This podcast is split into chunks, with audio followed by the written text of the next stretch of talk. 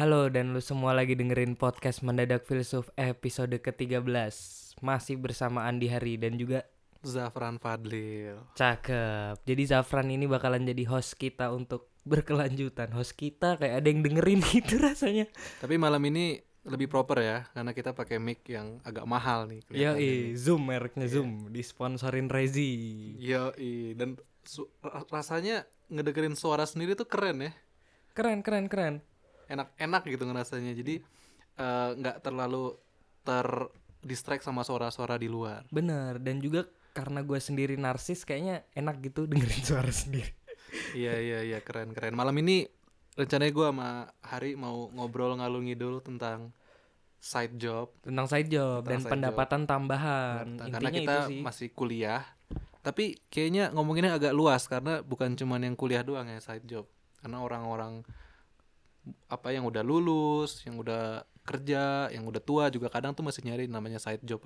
Iya, side hustle istilahnya kalau mereka side kan. hustle Side hustle, side hustle. Jadi eh nggak tahu ya sekarang doang apa dari dulu, cuman eh, ada orang tuh pasti punya passive income dan bahkan guru gua waktu SMA itu dia eh ibaratnya 9 to 5-nya itu di sekolah. Tapi punya side hustle juga. Hmm, Ah, ada uang jadi- tambahan ya Iya, jadi eh, guru gue itu namanya Pak Rahmat lah, sebut aja. Nah dia sambil jualan mobil gitu. Jadi dia kayak guru nih, guru doang kan, guru SMA negeri. Tapi kok duitnya banyak. Terus di suatu hari dia cerita gitu kalau di zaman sekarang ini beneran loh. Dia cerita kayak ya zaman sekarang nggak cukup mas kalau cuman jadi guru harus ada sesuatu yang eh, lain buat nambah apalagi eh, anaknya kan kuliah kuliah kan mahal banget ya anaknya iya curhat ke lu tuh ya Enggak sama sekelas dong. oh, Tapi nyebutnya Mas oh, karena gitu-gitu. nggak tahu patriarki. Enggak karena yang di depan mungkin Mas Mas. Enggak cukup Mas. Gitu-gitulah.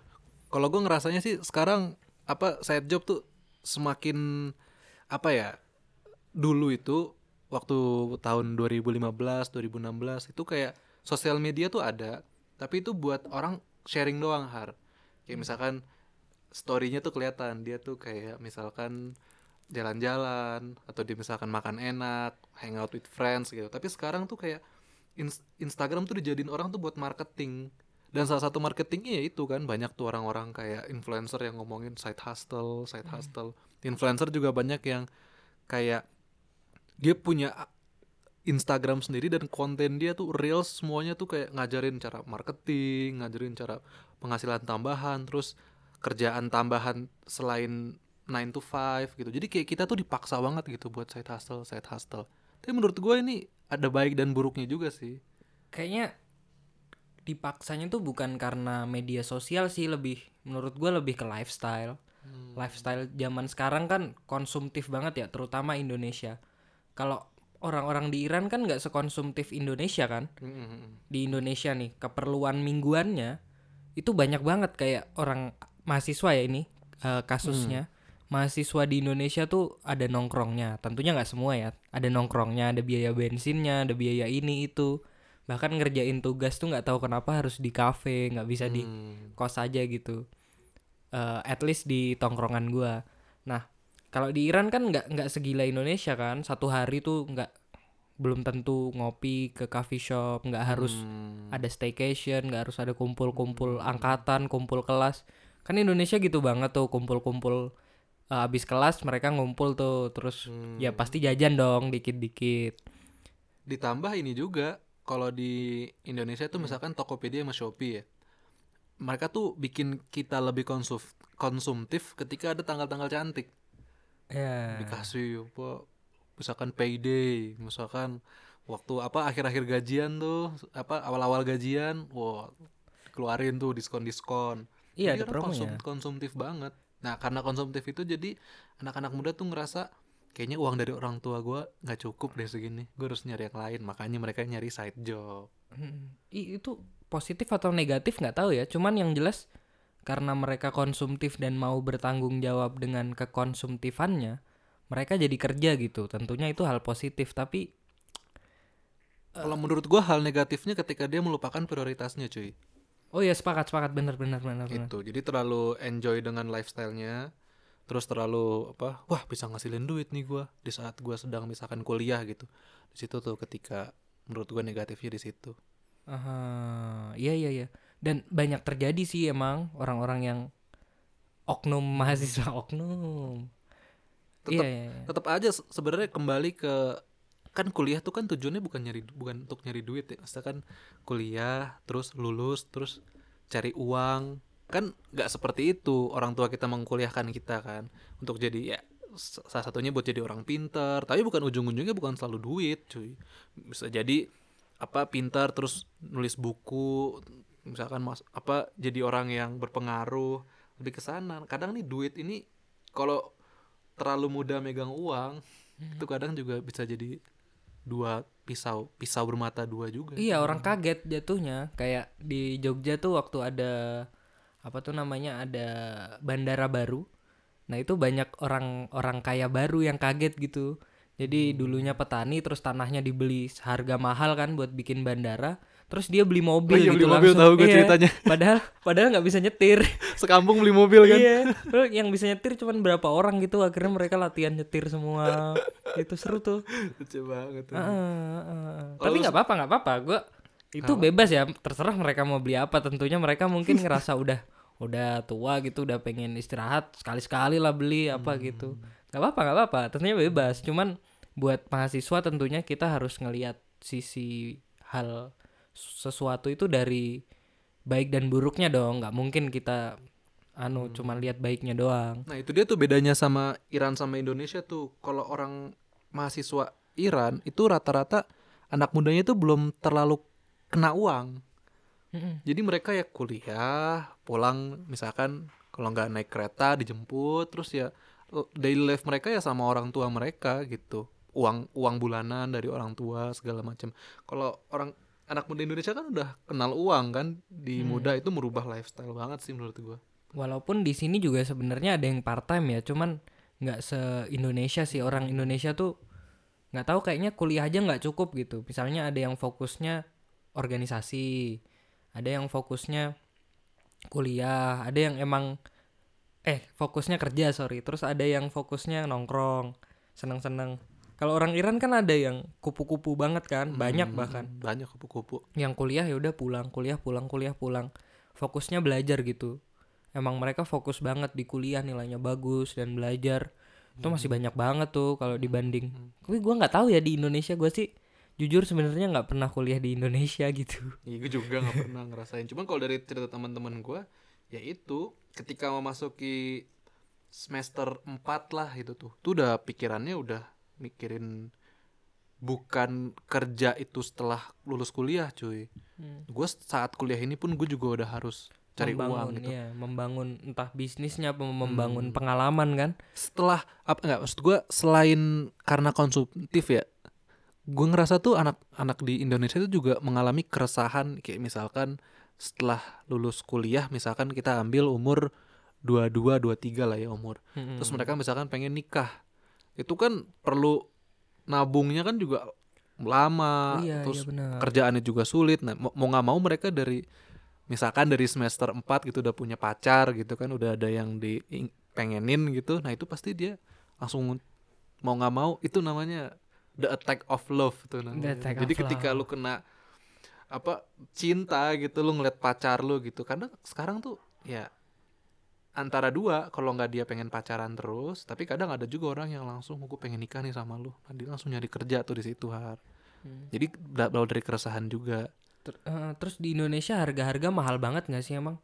Sampai di titik nggak terjangkau gitu. Bahkan di Jogja aja UMR-nya kan rendah ya rendah banget. Hmm. tapi harga tanah mahal kan lucu juga.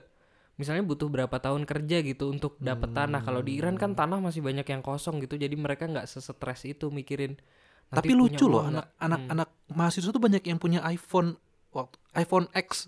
Itu Hmm. iPhone X kan 5 jutaan ya harganya sekarang kalau nggak Iya. salah.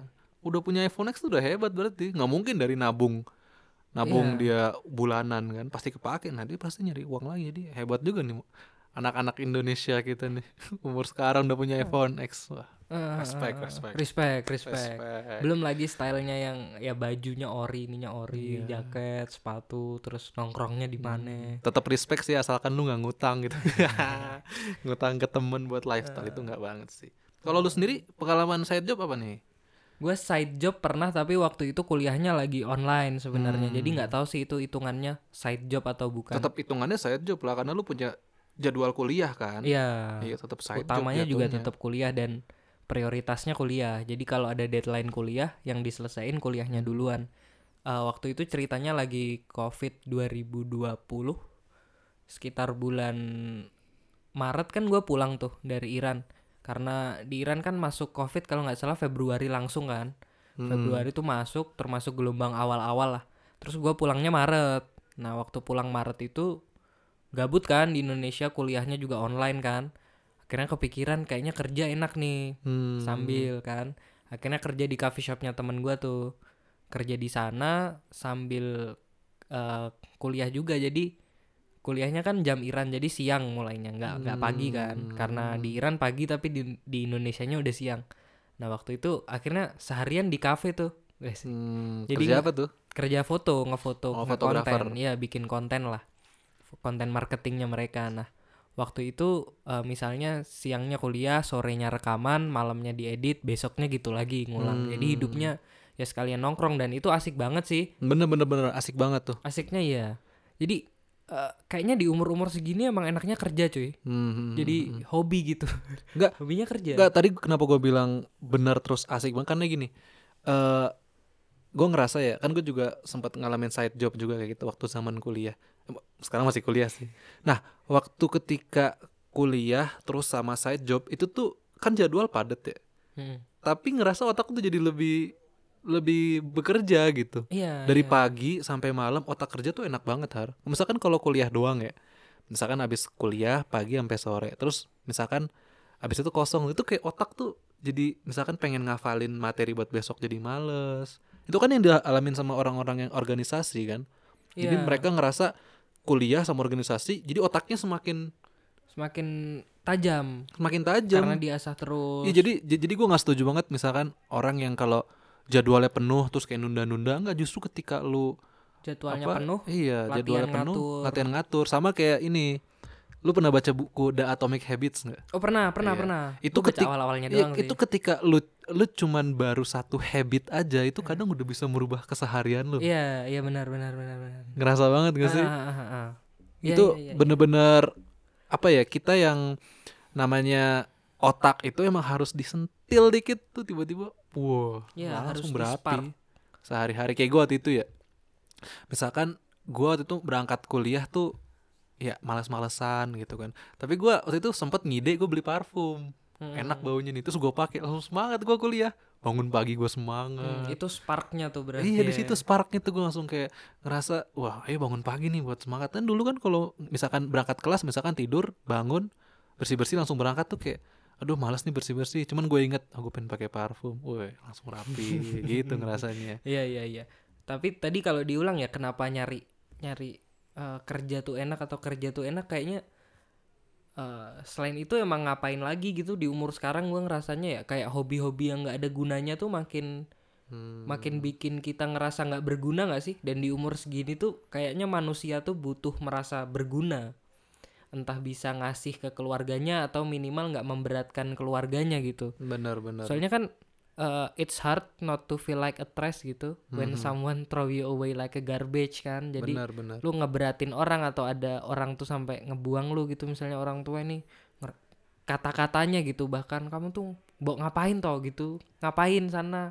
Nah kayak gitu tuh nggak enak. Dan kalau kita minimal nggak minta duit ke orang tua ya itu ada perasaan lega tersendiri sih yang kayak minimal bukan beban lah nah di umur-umur segini gua ngerasanya kalau kita nggak ngelakuin sesuatu yang menghasilkan dalam hal ini uang ya ya rasanya jadi beban dan ngerasa jadi beban setiap hari kan sebelum tidur Bener. Eh, akhirnya kepikiran terus jadi beban di kepala nambah terus tiap harinya tuh bakalan ngerasa nggak puas sama diri sendiri sih dan jangan sampai ngerasa kayak gitu Tapi lebih kerennya lagi zaman sekarang tuh ya hobi itu bisa dijadikan uang.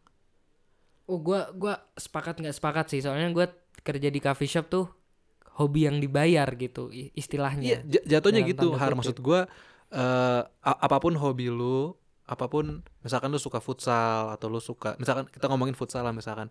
Dari futsal itu pun eh kadang tuh orang mikir cuman sekedar olahraga doang. Mm-mm. Tapi kalau misalkan diseriusin, misalkan dia senang main futsal terus itu bisa ikut perlombaan, terus bisa jadiin uang gitu segala macam. Jadi menurut gua di zaman umur-umur sekarang itu kalau nggak lu side nyari side job, kalau misalkan side job itu nggak ketemu lu cari hobi lu lah. Hmm. Karena otomatis dari hobi itu kebuka otaknya. Iya, gue sepakat nggak sepakat karena misalnya lu biasanya hobinya kayak gue nih ya, langsung contoh kasusnya.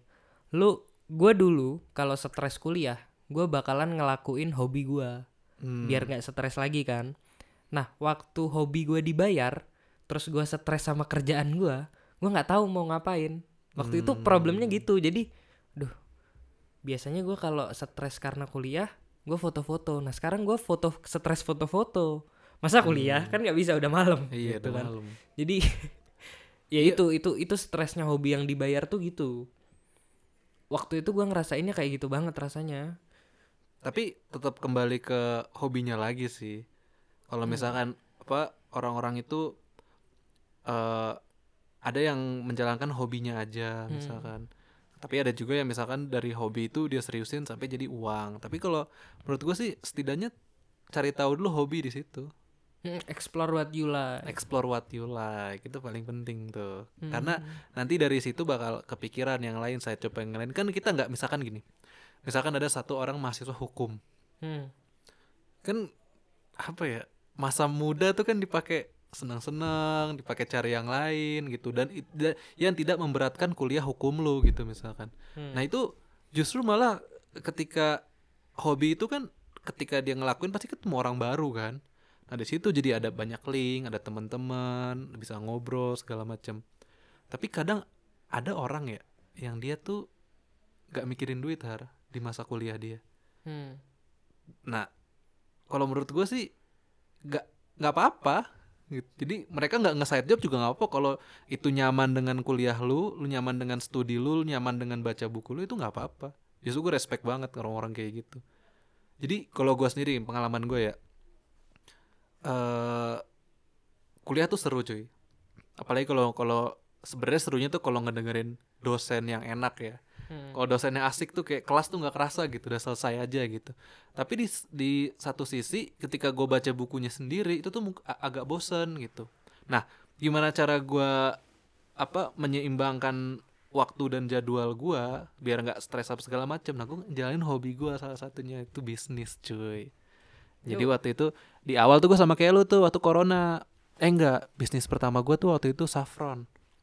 Oh iya sama-sama, gue saffron juga gue Nah, pertama. pertama gue tapi gue bisnisnya bener-bener gue praktekin apa yang gue pelajarin har. Jadi Widih. iya bener. Jadi gue pertama gue branding sendiri. Hmm. jadi gue beli di Iran. Terus gue tuh waktu itu nggak terlalu mikirin uangnya untungnya berapa gitu. Jadi gue bukan beli dari Iran nyampe Indonesia langsung jual gitu ke orang. Gue nggak kayak gitu. Tapi gue pertama yang gue lakuin gue bikin tim dulu kita pengen jualan saffron tapi pengen sekalian belajar juga gimana cara bisnis. Itu seru tuh belajar tentang keuangan marketing terus juga soal desain. Tuh itu tuh niat banget har. Gue sampai gue tim tiga orang ada Instagramnya ada Tokopedia Shopee lengkap sama ada websitenya. Ada website. ada websitenya waktu itu. Nah di situ tuh gue ngerasa wah ternyata seru ya jualan kayak gini. Terus apa secara online gitu kan. Ngedit-ngedit apa segala macam terus nanti ada orang, ada orang beli. Cuman lama kelamaan nggak tahu kenapa ya gue tuh ngerasa bosen gitu kalau bisnisnya tuh online gitu. Karena nggak nggak ngerasain langsung interaksi sama penjual. Pelanggan. sama pelanggan iya. Nggak nggak ngerasain langsung ketemu yang namanya eh ini barang bagus loh gitu. Hmm. dia ngasih uang terus gue terima gue kasih kembali. Itu tuh menurut gue hal yang kayaknya gue harus kayak gue kayak ada yang kosong gitu. Karena jualan online tuh ya lu tinggal apa ya lu di depan laptop terus ada transaksi gue ngerasa bosan aja gitu. Nah setelah itu gue ngelakuin itu sambil kuliah kan itu kosong banget sih pak. Kosong banget waktunya. Tapi waktu corona itu akhirnya gue memutuskan untuk yang si saffron ini agak dikurangin aktivitasnya tapi dibanyakinnya gue waktu itu coba bisnis jualan kopi. Hmm. yang gue cerita di Dharma Wangsa Square. Nah itu gue jadi di mall itu ada pameran selama itu pamerannya sih sebenarnya setiap bulan ada, tapi gue ngambil satu bulan doang karena corona tuh murah kan. Nah itu gue ngerasa gue seneng banget tuh jualan di situ tuh. Hmm. Misalkan lagi nunggu ya randomly tiba-tiba ada yang datang ini apa mas gitu itu seru banget itu ng- ngasih tahu misalkan yang serunya tuh apa misalkan ada orang datang dia pengen beli kopi satu Hmm. tapi gue coba iseng misalkan yang ini enak juga nih pak ada coklatnya ini aman nih buat kesehatan. Akhirnya dibeli semua diborong sama dia. Di situ tuh asiknya di situ. Dah dan gue sebenarnya di apa di uangnya itu tuh alhamdulillahnya ya uangnya tuh nggak terlalu gue tuh nggak terlalu money oriented gitu. Ah. nah gue tuh lebih kayak ngerasa gimana sih rasanya jualan langsung sama orang gitu dan itu gue seneng banget tuh di situ dapet ya walaupun uangnya ada juga ya setidaknya setidaknya nggak rugi lah ada untungnya sedikit lah bisa Jadi bisa lu, beli lu MacBook lumayan lucu banget. Kalau lu berarti banyak ya? agak idealis juga ya maksudnya bisnis tuh nyari kesenangan gitu. Kalau gue di pikiran gue sih bisnis tuh nyari duit gitu. Jadi intinya kalau Hmm. ada duitnya seru nggak seru yang penting ada duitnya gitu. Hmm, kalau gue ngerasa waktu itu awal-awal karena nggak terlalu apa ya, eh yang tadi gue bilang nggak terlalu nggak dalam keadaan kepepet jualannya.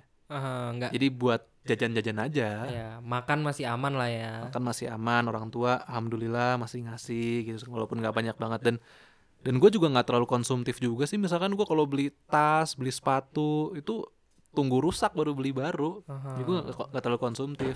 Cuman sekarang kayaknya ngerasa karena udah umur udah mulai segini kan ngelihat teman-teman iya, uang lumayan, tetap uang juga tetap tetap. akhirnya uang udah ngapain gitu seru-seruan seru-seruannya nanti Iya. kalau ada uang seru-seruannya gampang ketimbang lu nggak punya uang terus pengen seru-seruan kan stres Hmm. juga pengen seru-seruan nggak ada duitnya nih Mm-mm. dan dan juga yang menariknya itu sekarang tuh orang-orang tuh apa eh dibikin bingung har. Misalkan karir itu dimulainya sekarang apa nanti sih?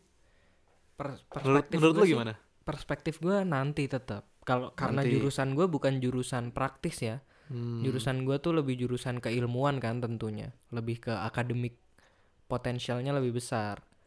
Dan butuh pelajaran yang panjang nggak bisa dimulai setengah-setengah. Karena ya gue kan jurusan sastra Persia ya.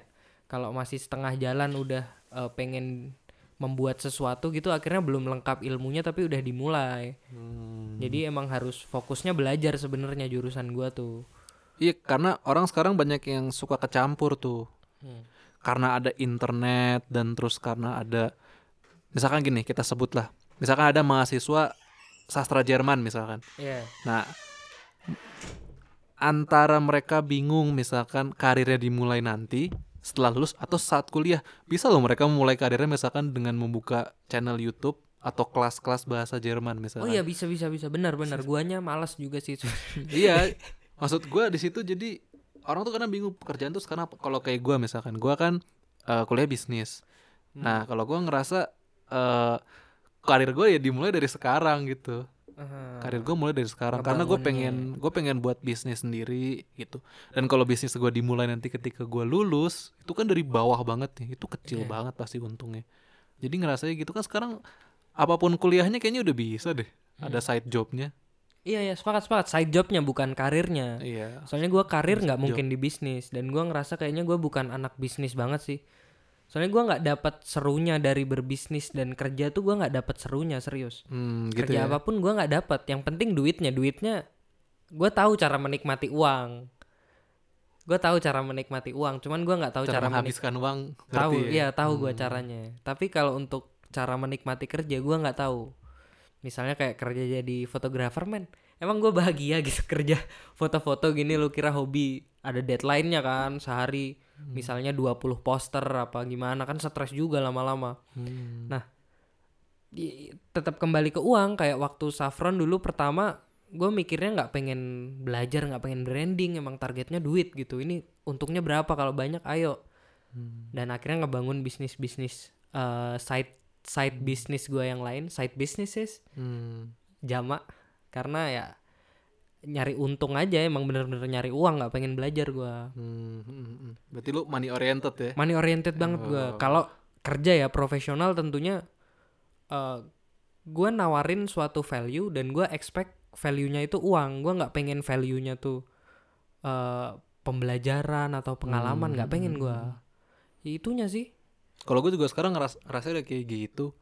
eh yang namanya kerjaan side job itu sekarang udah mikirnya nih kayaknya harus- ada duitnya nih gini. Kalau enggak mah sedikit-sedikit ngapain gitu. Karena kan yang dipikirin bukan jajan doang, tapi kan buat Iya. masa depan, Ah. nyicil mobil apa segala Iya, iya. macam. gue kepikiran juga kalau bisnis ya maksudnya bisnis tuh buat nyari uang gue buat pulang ke Indonesia sih karena kan Hmm. pengennya nanti setelah lulus entah lulus S1 atau S2 nantinya atau S3 Iya. pulang ke S3. Indonesia dan ngebangun pengen rumah punya rumah sendiri kendaraan tentunya harus punya dong dan Hmm. lain-lainnya tuh dihitung-hitung banyak banget kan harga tanah dan lain-lain nah itunya juga lumayan stres sih nanti gue sih nggak mau ya nge- ngambilin rumah orang tua dan lain-lain tuh Hmm. kalau bisa beli sendiri gue pengennya beli sendiri dan apartemen pun nggak masalah gue nggak harus rumah itunya tuh yang harus disiapin banyak dan kayaknya jalan tercepat harus dua kerjaan emang. Hmm. jadi satunya karir tapi lu harus punya side income. Dan zaman sekarang kan udah ditawarin side income banyak banget gak sih?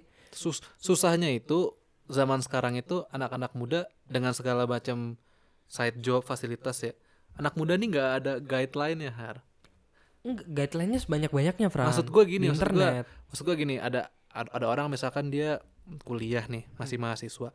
Nah dia nih kalau mikirin masa depannya stres cuy misalkan nanti lulus harus nikah harus punya rumah harus itu kan itu kan stres juga iya iya iya iya. Nah, tapi ada juga sebagian orang tuh yang nah ini dia nih guideline-nya tergantung. Kan banyak influencer, banyak buku yang ngeluarin. Nah, itu beda-beda tuh misalkan kalau dari sisi Amerika gimana, Hmm. dari orang Cina gimana, eh, di Iran tuh gimana, di Indonesia juga gimana. Nah, kalau Indonesia kan banyak banget nih sumbernya nih. Nah, jadinya bukan yang nggak ada guideline, maksud gua terlalu banyak guideline itu menurut gua harus memilih sih anak muda. Iya, Harus pilih milih salah satu, satu guideline. satu. Harus pilih salah satu. dia dengan Pak. tahu pilihan mana yang pas tapi emang harus dicoba semua sih Benar, benar. jadi kan instrumen instrumen nggak bisa stres terus Iya. maksud gua. Iya, iya, Lu harus iya. cari tahu yang mana. ya side income kan ada banyak kan selain selain ada uh, job part time job bisa juga investasi Hmm. investasinya tentunya banyak. Ada yang ke teman langsung peer to peer atau reksadana dan saham. Mungkin yang lainnya juga ada emas. Uh, itu juga bisa. Dan selain itu sebenarnya ada investasi lain yang belum anu menurut gua belum populer. Apa tuh? orang-orang tuh sampai lupa gitu. Investasi ke diri sendiri. Hmm. jadi emang untungnya nggak langsung kerasa tapi menurut gue ini paling untung karena lebih baik berinvestasi ke diri sendiri karena kita sendiri yang ngontrol lo ngasih 100 juta ke perusahaan ya perusahaannya kan yang ngontrol lu tinggal terima hasilnya. Tapi kalau lu investasi ke diri sendiri misalnya 100 juta gua mau beliin kamera kayak gua kemarin kan. Itu langsung gue yang ngontrol kameranya mau gua pakai ngapain? Gua pakai belajar pertama. Hmm. dari belajar gue dapat ilmu baru meningkatkan value gue sebagai pekerja.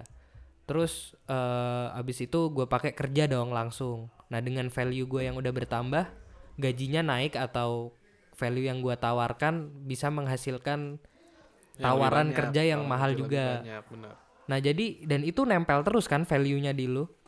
Eh, karena udah masuk ke kita entah tadi investasi diri sendiri kan bisa barang. Bisa juga dari eh, pendidikan kayak les. Lu karena pengen punya value tambahan lu belajar les bahasa Arab.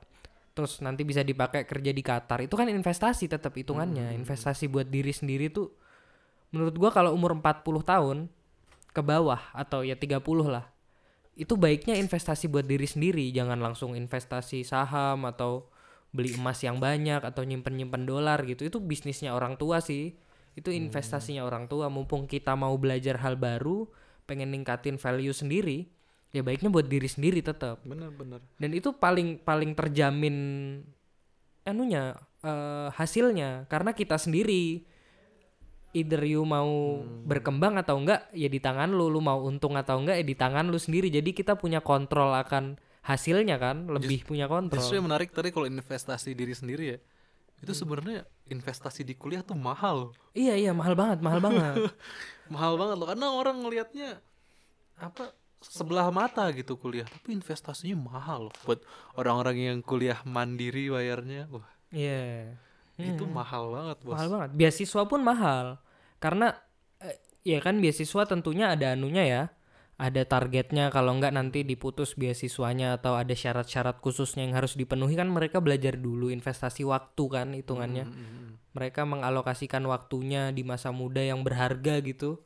Ya misalnya sehari 10 jam buat belajar kan itu gila, itu tetap investasi sih. investasi banget itu Selain uang, uang uang mah bisa dicari, cuman waktu kan nggak bisa balik lagi. Jadi lebih mahal menurut gua waktunya. tapi menurut gua kalau kuliah tuh ya itu tuh investasinya lengkap banget loh har lu dapet pelajaran lu dapet temen lu dapet kemandirian itu sebenarnya Hmm. kompleks juga loh kuliah tuh kalau di dibilang investasi ke diri sendiri juga Iya, karena iya, ter- iya. karena yang tadi lu bilang apa investasi investasi orang-orang yang di luar sana yang misalkan setelah kerja gitu ya memperbanyak skillnya apa segala macam itu kalau dibandingin sama biaya kuliah jauh banget pak.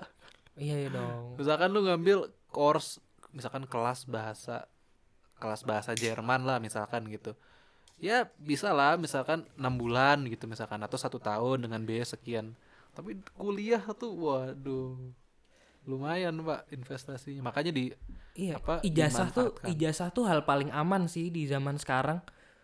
Lu terserah sih lu mau ngomong ijazah tuh fuck man itu cuman kertas akhirnya nggak ngaruh ke hasil kerja lu. Cuman pada akhirnya ijazah tuh hal hal yang penting banget. Gue sih takut sih ke dunia kerja tanpa ijazah. Cuman emang eh, kan ini jalur mainstream ya ibaratnya. S1 kan orang-orang mainstream yang mereka cari aman.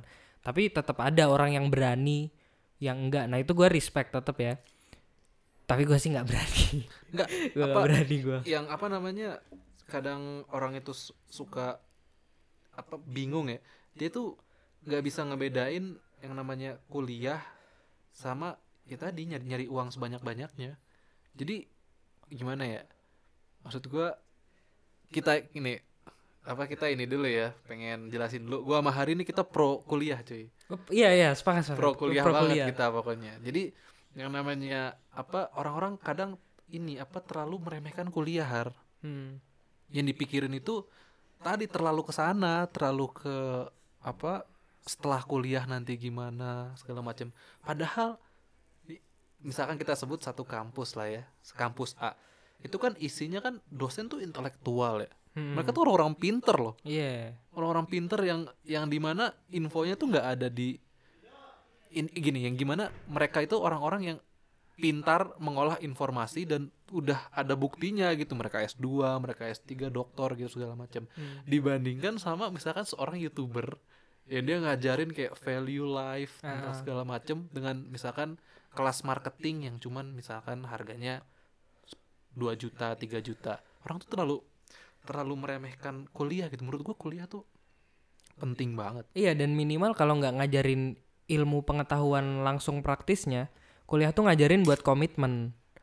Jadi lu mulai dan lu akhirin itu minimal udah nilai yang bagus banget dalam menjadi manusia. Orang yang nggak bisa komitmen tuh bakalan sulit ke depan. Dan gue jadi misalnya gue punya perusahaan ya Amin, Amin. punya perusahaan terus bakalan nge-hire orang, gue bakalan penilaian utamanya buat nge-hire mereka itu komitmen. Nah, salah satu cara untuk ngelihat komitmen orang dari kuliahnya.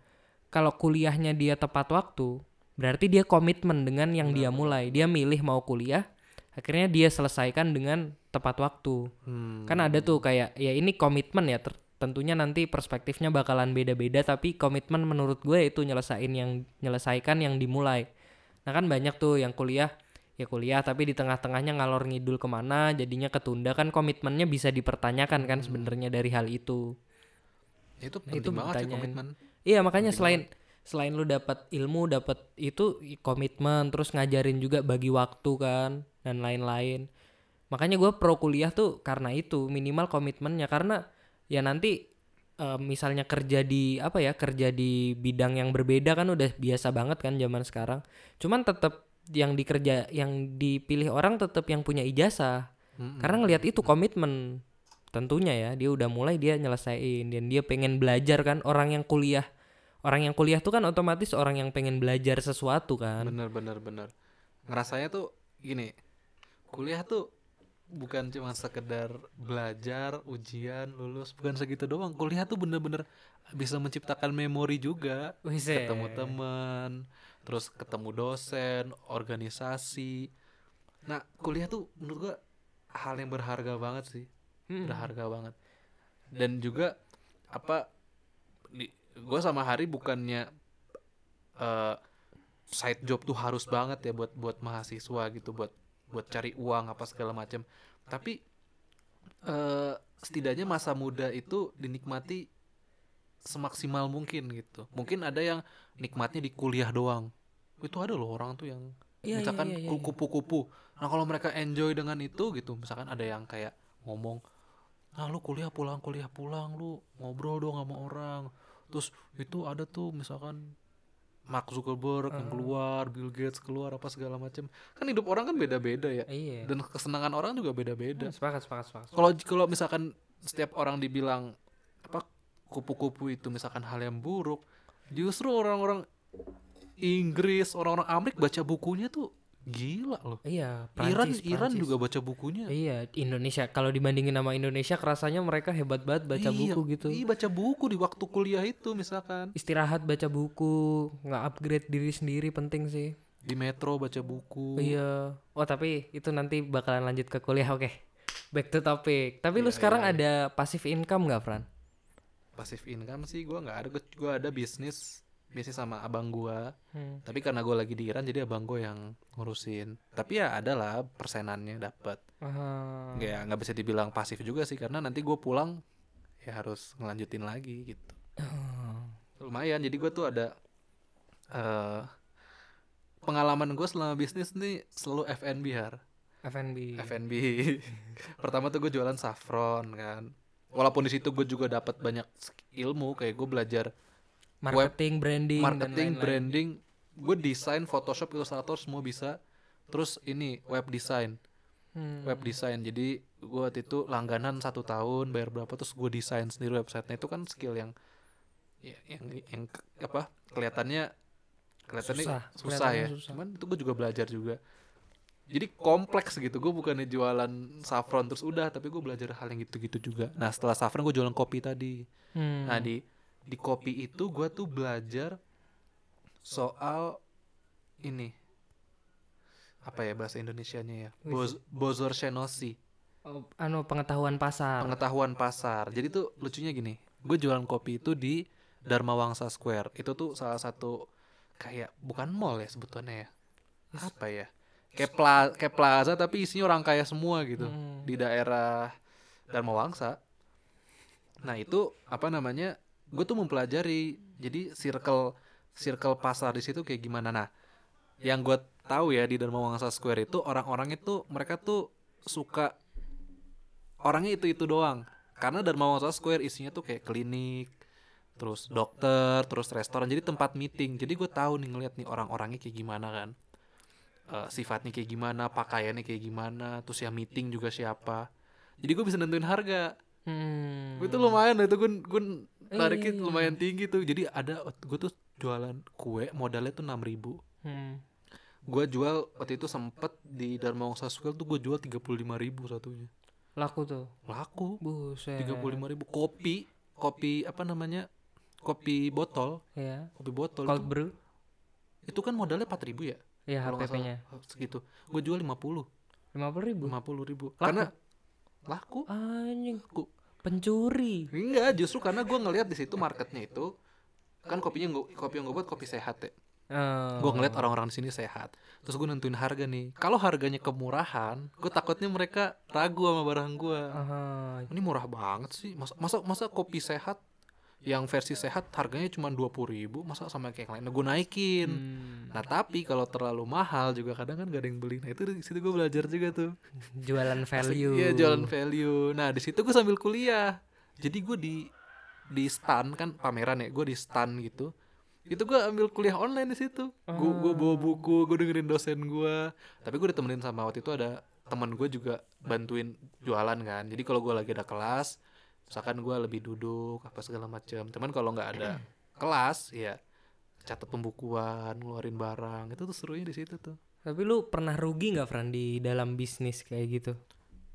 Alhamdulillah sih eh, selama satu bulan itu nggak kalau yang kopi ya satu bulan itu eh, karyawan terbayar lah. Oh aman kalau aman. gitu. kalau ka- karyawan terbayar harga sewa juga udah terbayar sisanya ya untungnya ya segitu. Nggak bisa dibilang rugi juga sih ya. Soalnya udah kebayar soalnya gue nentuin priori- prioritas dulu.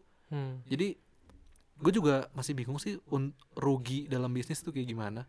Karena kalau menurut gue ada orang misalkan gini eh rugi itu ketika keuntungan yang ditentukan gak tercapai. Mm-mm. misalkan gue pengen untung 5 juta tapi nggak dapat itu bisa di, kadang orang bilang rugi. Tapi nggak juga. Kalau menurut gue selama as long as karyawan sama sewa dibayar itu sih nggak rugi udah Ah. rugi waktu mungkin Rugi ya waktu ya.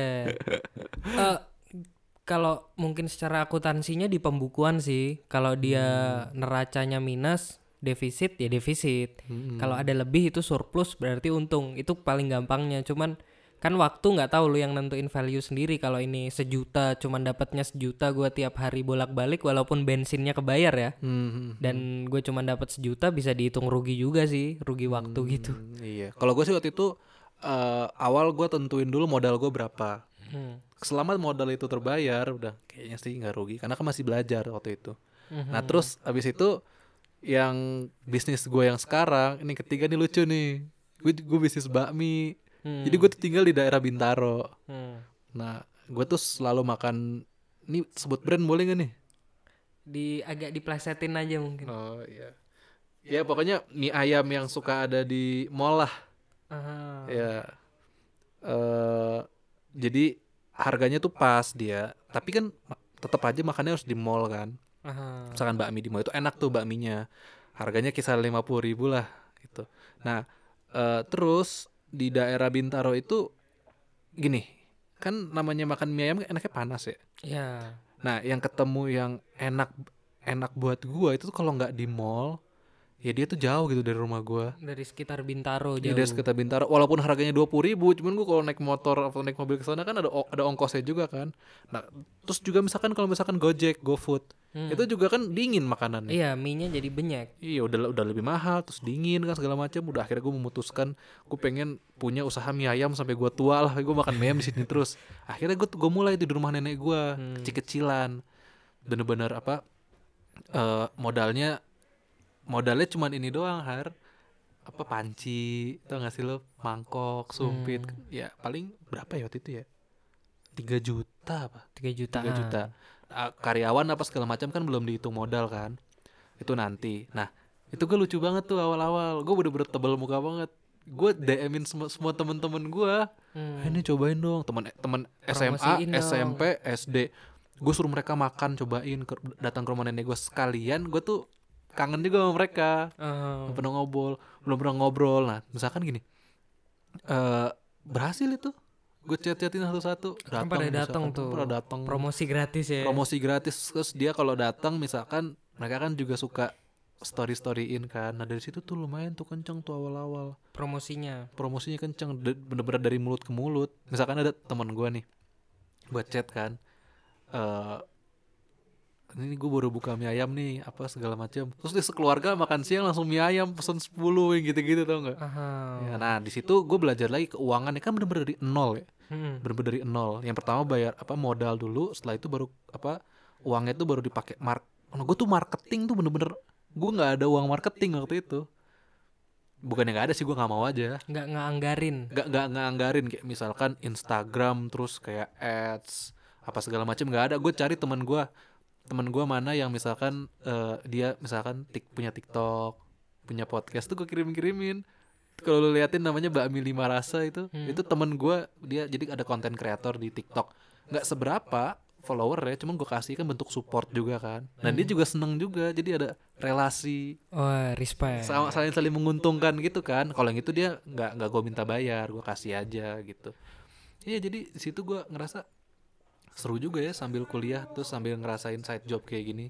Hmm. jadi gue juga tapi gue tapi gue nggak masak mie ayamnya. Gue cuma di bagian pelayanan sama desain sama marketingnya. Gue juga ada di GoFood segala macam nah sekarang ya tadi bakmi gue sekarang dipegang sama abang gue dulu karena gue lagi di Iran ini gitu. Ya persenannya dapat lah ya itu iya sekarang di, karena juga udah jalan dua bulan di apa namanya Gatot Subroto. Wah, promosi promosi. Yoi, boleh boleh boleh. jadi kalau teman-teman tahu Museum Satria Mandala itu di temannya di depannya ada taman gede. Nah itu ada eh gua sampai lupa lagi nama kafenya apa nah di kafe itu ada tenan gua. Aha. tiap hari buka itu. Cuman satu cuman Senin apa Selasa gitu libur. Hmm, itu enak kan bisa piknik di tengah Jakarta sambil makan mie ayam. Cakep. Iya, harganya iya. juga terjangkau lah buat di Jakarta. Buat teman-teman di Jakarta bisa daerah da- daerah Gatot Subroto di daerah piknik harganya juga terjangkau nggak yang lima puluh ribu enam puluh nggak berapa berapa berapa? harganya standar sih terakhir ya bulan Juni itu tiga puluh lima ribu satu mie Oh, ya, masih aman harga sana lah. itu udah sama pajak segala macam udah ya, dagingnya asli tuh ya. Yoi, dagingnya paha atas ayam juga. Bukan tepung ya. Bukan. Jadi ayam ayamnya bersih, minyak bersih gue yang beli tuh dulu tuh. Gue orang pasar, Bro. Nah, Jadi gue yang datang ke pasar, gue punya langganan satu toko, dia Hmm. apa ayamnya gue pokoknya maunya ayamnya dari dia. hmm. Ayam dari soalnya ayam dari dia bagus, terus sayurnya, sawinya, wah itu detail tuh seru banget tuh, bawang-bawangnya, kecap-kecapnya.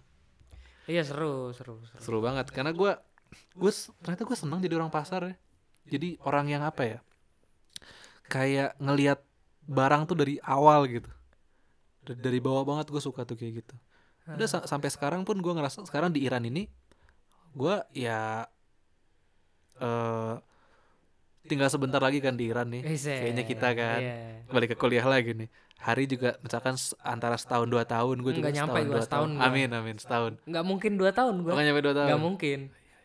Kalau gua ya setahun setahun se- setahun setengah sampai dua tahun lah. Hmm. Nah sebelum gua pulang ke Indonesia, gue pengen maksimalin di Iran nih.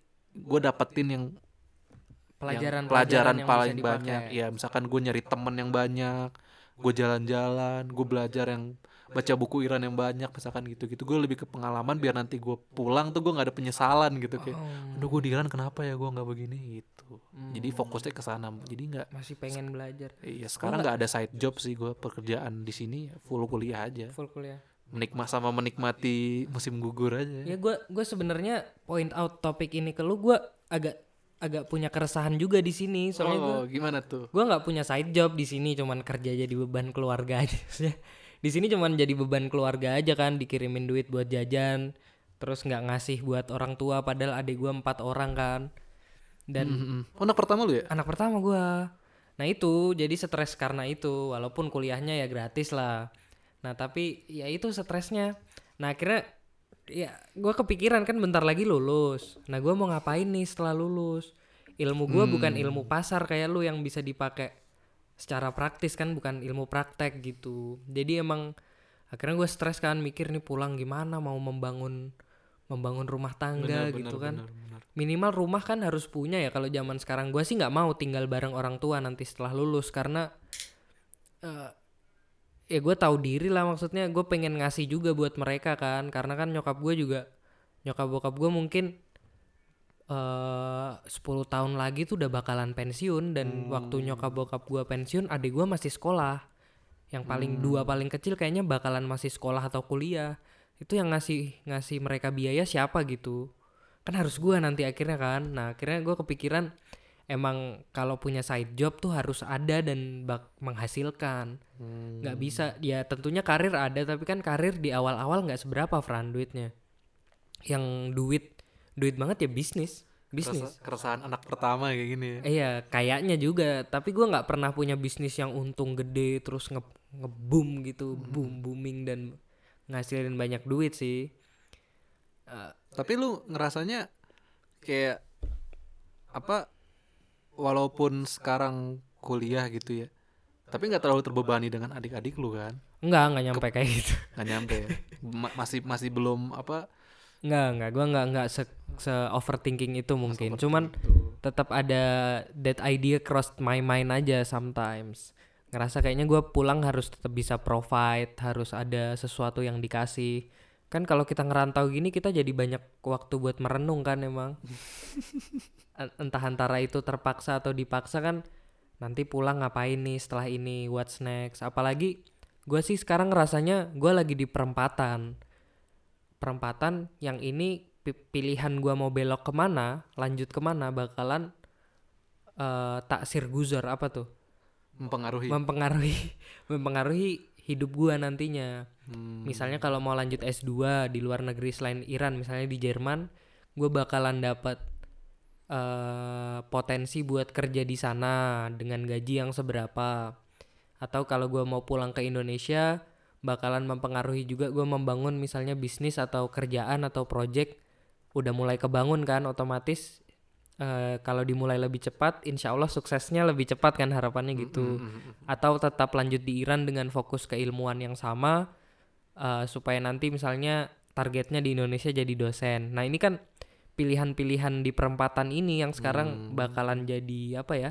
Bakalan jadi penanggung jawab hidup gua nantinya. Nah makanya agak stres juga kan di kayak gini kalau kemarin di awal-awal mah yang penting ujian nilainya bagus kan itu doang. iya Nah kalau di akhir gini ujian nilai bagus terus lulus terus mau ngapain kan? Ada pertanyaan-pertanyaan gitu lagi. Makanya Wah Menarik. tahu gue Men- men- menariknya tuh tiap orang tuh beda-beda ya prioritasnya sama apa beda-beda prioritas sama ininya misalkan kalau kayak lo kayak gitu kayak yang lo ceritain kalau kayak gua ada beda lagi gua karena gua anak kedua juga sih gitu tapi tetap aja kita kan punya apa prior- prioritas masing-masing kan. Nah yang jadi apa kadang gue juga suka kepi- suka kepikiran ya kita di Iran gitu kan kuliah sedangkan apa namanya kita juga harus ada misalkan tujuan atau tadi misalkan karir apa segala macam yang di mana kita masih nggak tahu nanti lulus tuh mau ke mana lulus mau ngapain gitu kan nah namanya yang kayaknya keresahan setiap anak S1 kayak gini deh gitu kan cuman ya kayaknya en- Dia enjoy ya the emang process. emang gitu sih Enjoy kayaknya hidup tuh process. nggak pernah kayak selesai gitu Nggak, kalau sel- kayak selesai deh kayak Nggak udah, tahu duit ya. ada semua ada gitu gue sih pengennya kayak gitu sih gue pengen ngerasa puas iyalah semua pengen ngerasa puas lah pasti gitu. Hmm. cuman yang apa lucunya tuh setiap umur tuh beda-beda prioritasnya dulu kuliah aja nilai bagus seneng masih main. Sekarang kayak habis kuliah gitu Ngapain main? gitu, Iya, ngapain nggak ada main duitnya. ngobong. serius gue kepikiran mau main nggak ada duitnya ngapain? Mendingan di di kamar aja istirahat kan buat besok lanjut lagi keseharian main ngobrol ngomongin kuliah tadi ya. Iya gitu gitu aja karena bosan juga nongkrong. Iya iya, benar-benar. Ini kayaknya soal uang passion karir nih kayaknya harus ada podcast sendiri nih kayaknya nih harus oh ya menarik menarik menarik menarik. Pertemuan berikutnya kayaknya kita ngomongin passion. Passion menarik tuh. Passion menarik. Soalnya Iya. sekarang bener-bener ya tadi kadang orang dibilang follow your passion ada yang semangat ada malah yang stres. Iya karena ya, ya, tahu nggak lo artinya passion sebenarnya? sabar. Enggak, passion tuh artinya suffering. oh passion suffering Suffering, lu tahu ada film tentang Yesus judulnya Passion. Itu cerita penderitaan Yesus loh. oh Jadi passion itu pada bentuk awalnya itu to suffer. Jadi untuk konsisten dalam satu tujuan sampai terwujud. Nah, kan itu konsisten dan menuju ke perwujudan tujuan lu. Itu jalannya jalan yang penuh dengan siksaan, penuh dengan cobaan gitu. Tapi nggak tahu orang sekarang passion tuh kalau lu ngelakuin passion lu bakal bahagia padahal ya passion ya nggak tahu ya gimana. Sa- salah satu nih yang apa gue masih nggak bisa gue masih belum bisa menerima ya misalkan kayak orang tuh sekarang kan kerja online ya atau misalkan kerja sesuai passion lah kayak misalkan orang gini gue tuh masih nggak bisa mencampurkan kerja sama liburan misalkan work from Bali Oh iya, Nah, kan yang kayak gitu. Kembali menarik. jadi ngera- ngerasanya kayak kerja tapi lu lagi liburan gue gue masih nggak nggak kepikiran sih. Karena gue kalau di kuliah kayak gini ya gue kuliah tuh bener-bener fokus kuliah. Hmm. gue balik ke kamar ke kafe gue fokus santai udah. Gue di ke- di kafe nggak kuliah gitu. Jadi bener-bener nikmatin salah satu aja. Jadi kan ini kan yang salah satu apa? Ini lu orangnya deep fokus ke satu hal emang ya. iya bener. Gua kebalik berarti Fran. gimana lu? Gua anaknya penyicil yang rajin. Dari dulu gua gitu. Misalnya ada tugas, itu kalau diselesaiin totalnya satu jam, gua nggak bisa sekali duduk selesai. Gua ngerjainnya 6 kali 10 menit atau bahkan 60 kali satu menit. Bayangin. Jadi sambil main laptop, nonton film, istirahat satu menit, lanjut lagi nonton film. Terus ngerjain lagi satu menit, dicicil terus. Jadi gua nggak Hmm. ngeluangin satu waktu khusus dalam sehari buat belajar gitu nggak gua. Gua ada tugas dicicil terus, tapi sampai selesai ya. Makanya gua Hmm. termasuk orang pemalas yang rajin gitu dalam tanda kutip kan dicicil, dicicil, dicicil sampai selesai. Makanya multitasking misalnya work from Bali itu setuju gua. Kayaknya asik kan malamnya s- malamnya misalnya nyantai di pantai sambil lihat-lihat ngobrol-ngobrol di sana terus siangnya kerja lagi bentar terus lihat-lihat kerja di pantai? kerja di pantai panas kak ya maksudnya kalau view-nya enak terus teduh gitu kayaknya masih bisa ya Masih bisa masih ya. bisa yang penting Oh. yang penting deadline-nya selesai gua. Jadi ada job suatu tugas, tugasnya terselesaikan. Nggak nggak terikat. Misalnya deadline-nya tujuh hari gitu masih bisa. Cuman kalau yang deadline satu menit satu menit Hmm. eh, harus selesai sekarang nih ini fotokopiin dong mas ya foto Hmm. cepet gitu nggak bisa. Cuman kalau lama dan itu gua aturnya pasti kayak gitu. Jadi sambil nyampur ke keseharian gua nggak tahu ya ini profesional atau enggak tapi gua kayak gini emang misalnya kayak waktu kerja di coffee shop tuh waktu jadi digital marketing dalam tanda kutip ya itu gue nyicil nyicil banget tuh jadi Hmm. foto-foto terus walaupun lagi shift kerja harus kan shift kerja tapi kan coffee shop teman gue sendiri ya itu sambil ngobrol lagi ngerokok ngerokok mi- minum kopi uh, ngerjain tugas kuliah terus balik lagi ke ngedit desain terus ngapain lagi tapi selesai by the end of the day tetap uh, komitmen gue selesai cuman gue dicicil aja Kalau gue sih lebih orangnya ke moody ya. Jadi eh misalkan kan gue juga buat YouTube kan waktu itu. Ah, Udah, la- udah lama juga nggak sih nggak nge-share. Nah kalau YouTube itu tuh sebenarnya susah ngumpulin moodnya gitu. ya sepakat, Jadi gue tuh gue tuh nggak bisa. Gue gue tuh gini orangnya. Kalau misalkan pagi kuliah, pagi kuliah sampai sampai sore itu kuliah aja. Dan gue tuh nggak bener-bener nggak mood sama sekali buat gue nggak mood sama sekali buat bikin YouTube. Hmm, Nah setelah itu baru tuh ketika setelah setelah apa kosong kosong baru tuh gue bu nulis skripnya. Jadi gue orangnya moody itu sih nggak tahu juga baik apa buruk ya. Maksudnya moodian gue. Jadi gue persiapkan mood gue untuk baik di satu waktu gitu. Hmm, Misalkan kuliah gue bisa gue usahain kalau di kuliah itu gue prepare semua segala macam. Iya. Misalkan kalau kuliah gitu, gue nggak bawa kamera sama apa mic buat YouTube. Oh kebalik banget kita Fran. Gue ting gue tinggal. Nah Iya. gue setelah itu ba- setelah kuliah baru tuh gue siapin barangnya. Jadi gue orangnya mudian banget. Gue tuh ini banget sama isi tas. Apa? Isi tas gue. Jadi oh, isi, isi, isi tas gue, iya isi tas gue tuh selalu apa? Kalau kuliah ya isinya buku, pulpen segala macem. Nah kalau misalkan main YouTube, itu gue keluarin semua bukunya. Oh. Jadi bener-bener gak ada tertinggal. Pulpen aja tuh gue kadang nggak gue bawa udah. Yang penting-penting doang. Hmm, kalau Gua gua se-prepare itu, gua gua kecampur semudi di jadi satu gitu. Misalnya Hmm. kuliah pun gua bawa tablet buat sambil jadi kuliah nih di sela-sela istirahat walaupun istirahat cuma setengah jam dicicil dua menit buat nulis skrip terus sisanya eh, istirahat-istirahat makan donat apa ngeteh terus lanjut lagi nulis ya pasti sambil disambi aja semuanya akhirnya gitu ya. Eh, Kalau kalau gue berarti kembali ke tadi gue lu nyiapin mood terus fokus ke satu hal Iya, itu kan? fokus hal itu. Itu juga berlaku di side job gue yang lama-lama kemarin. Kalau misalkan bener-bener apa namanya lagi ini desain misalkan buat bakmi tuh lagi mau ngedesain buat Instagram segala macem. Itu bisa dilihat dari desktop laptop gua har Aha. itu semua file yang ada di desktop layar utama itu yang kuliah gue umpetin Hmm? Nah sisanya yang desktop tuh ya editan-editan gue, foto-foto gue di situ. Oh. Jadi gue bener-bener orangnya tuh ini banget apa membagi, membagi nggak tahu juga ya pinter apa enggak. Cuman kemudian gue orangnya. Hmm. Itu. Ini menarik nih soal passion, karir buat anak muda sekarang zaman sekarang. Karena kan zamannya udah berubah sekarang kan. Misalkan sekarang udah sosial media. Terus jadinya sekarang tuh kreativitas tuh justru kadang lebih menghasilkan lebih banyak cuy daripada jualan barang gitu. Iya, yang kreatif mahal. Kreatif nggak bisa nggak bisa dibeli di kampus. Kampus nggak ngajarin kan. Kreatif emang dieksplor dari dalam diri emang ide ide-ide yang inovasi gitu, hal baru yang belum ada sebelumnya itu yang mahal banget.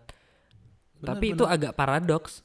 Jadi buat lu membuat inovasi, lu harus punya modal juga. Modalnya ilmu yang dari kampus. Kalau lu nggak punya ilmu, ilmu kan jadi referensi ya. Lu tahu A, B, C, akhirnya lu bisa bikin hal selain A, B, C karena lu udah familiar A, B, C. Kalau lu belum tahu A, B, C, lu mau bikin tiba-tiba D, nggak mungkin karena lu nggak tahu sebelum-sebelumnya gimana atau referensi gimana. Jadi ya itu tetap Ya, tapi Iya. kalau mau dibahas lebih dalam lagi ya, sebenarnya kan kembali ke ilmu lagi buat kreativitas ya.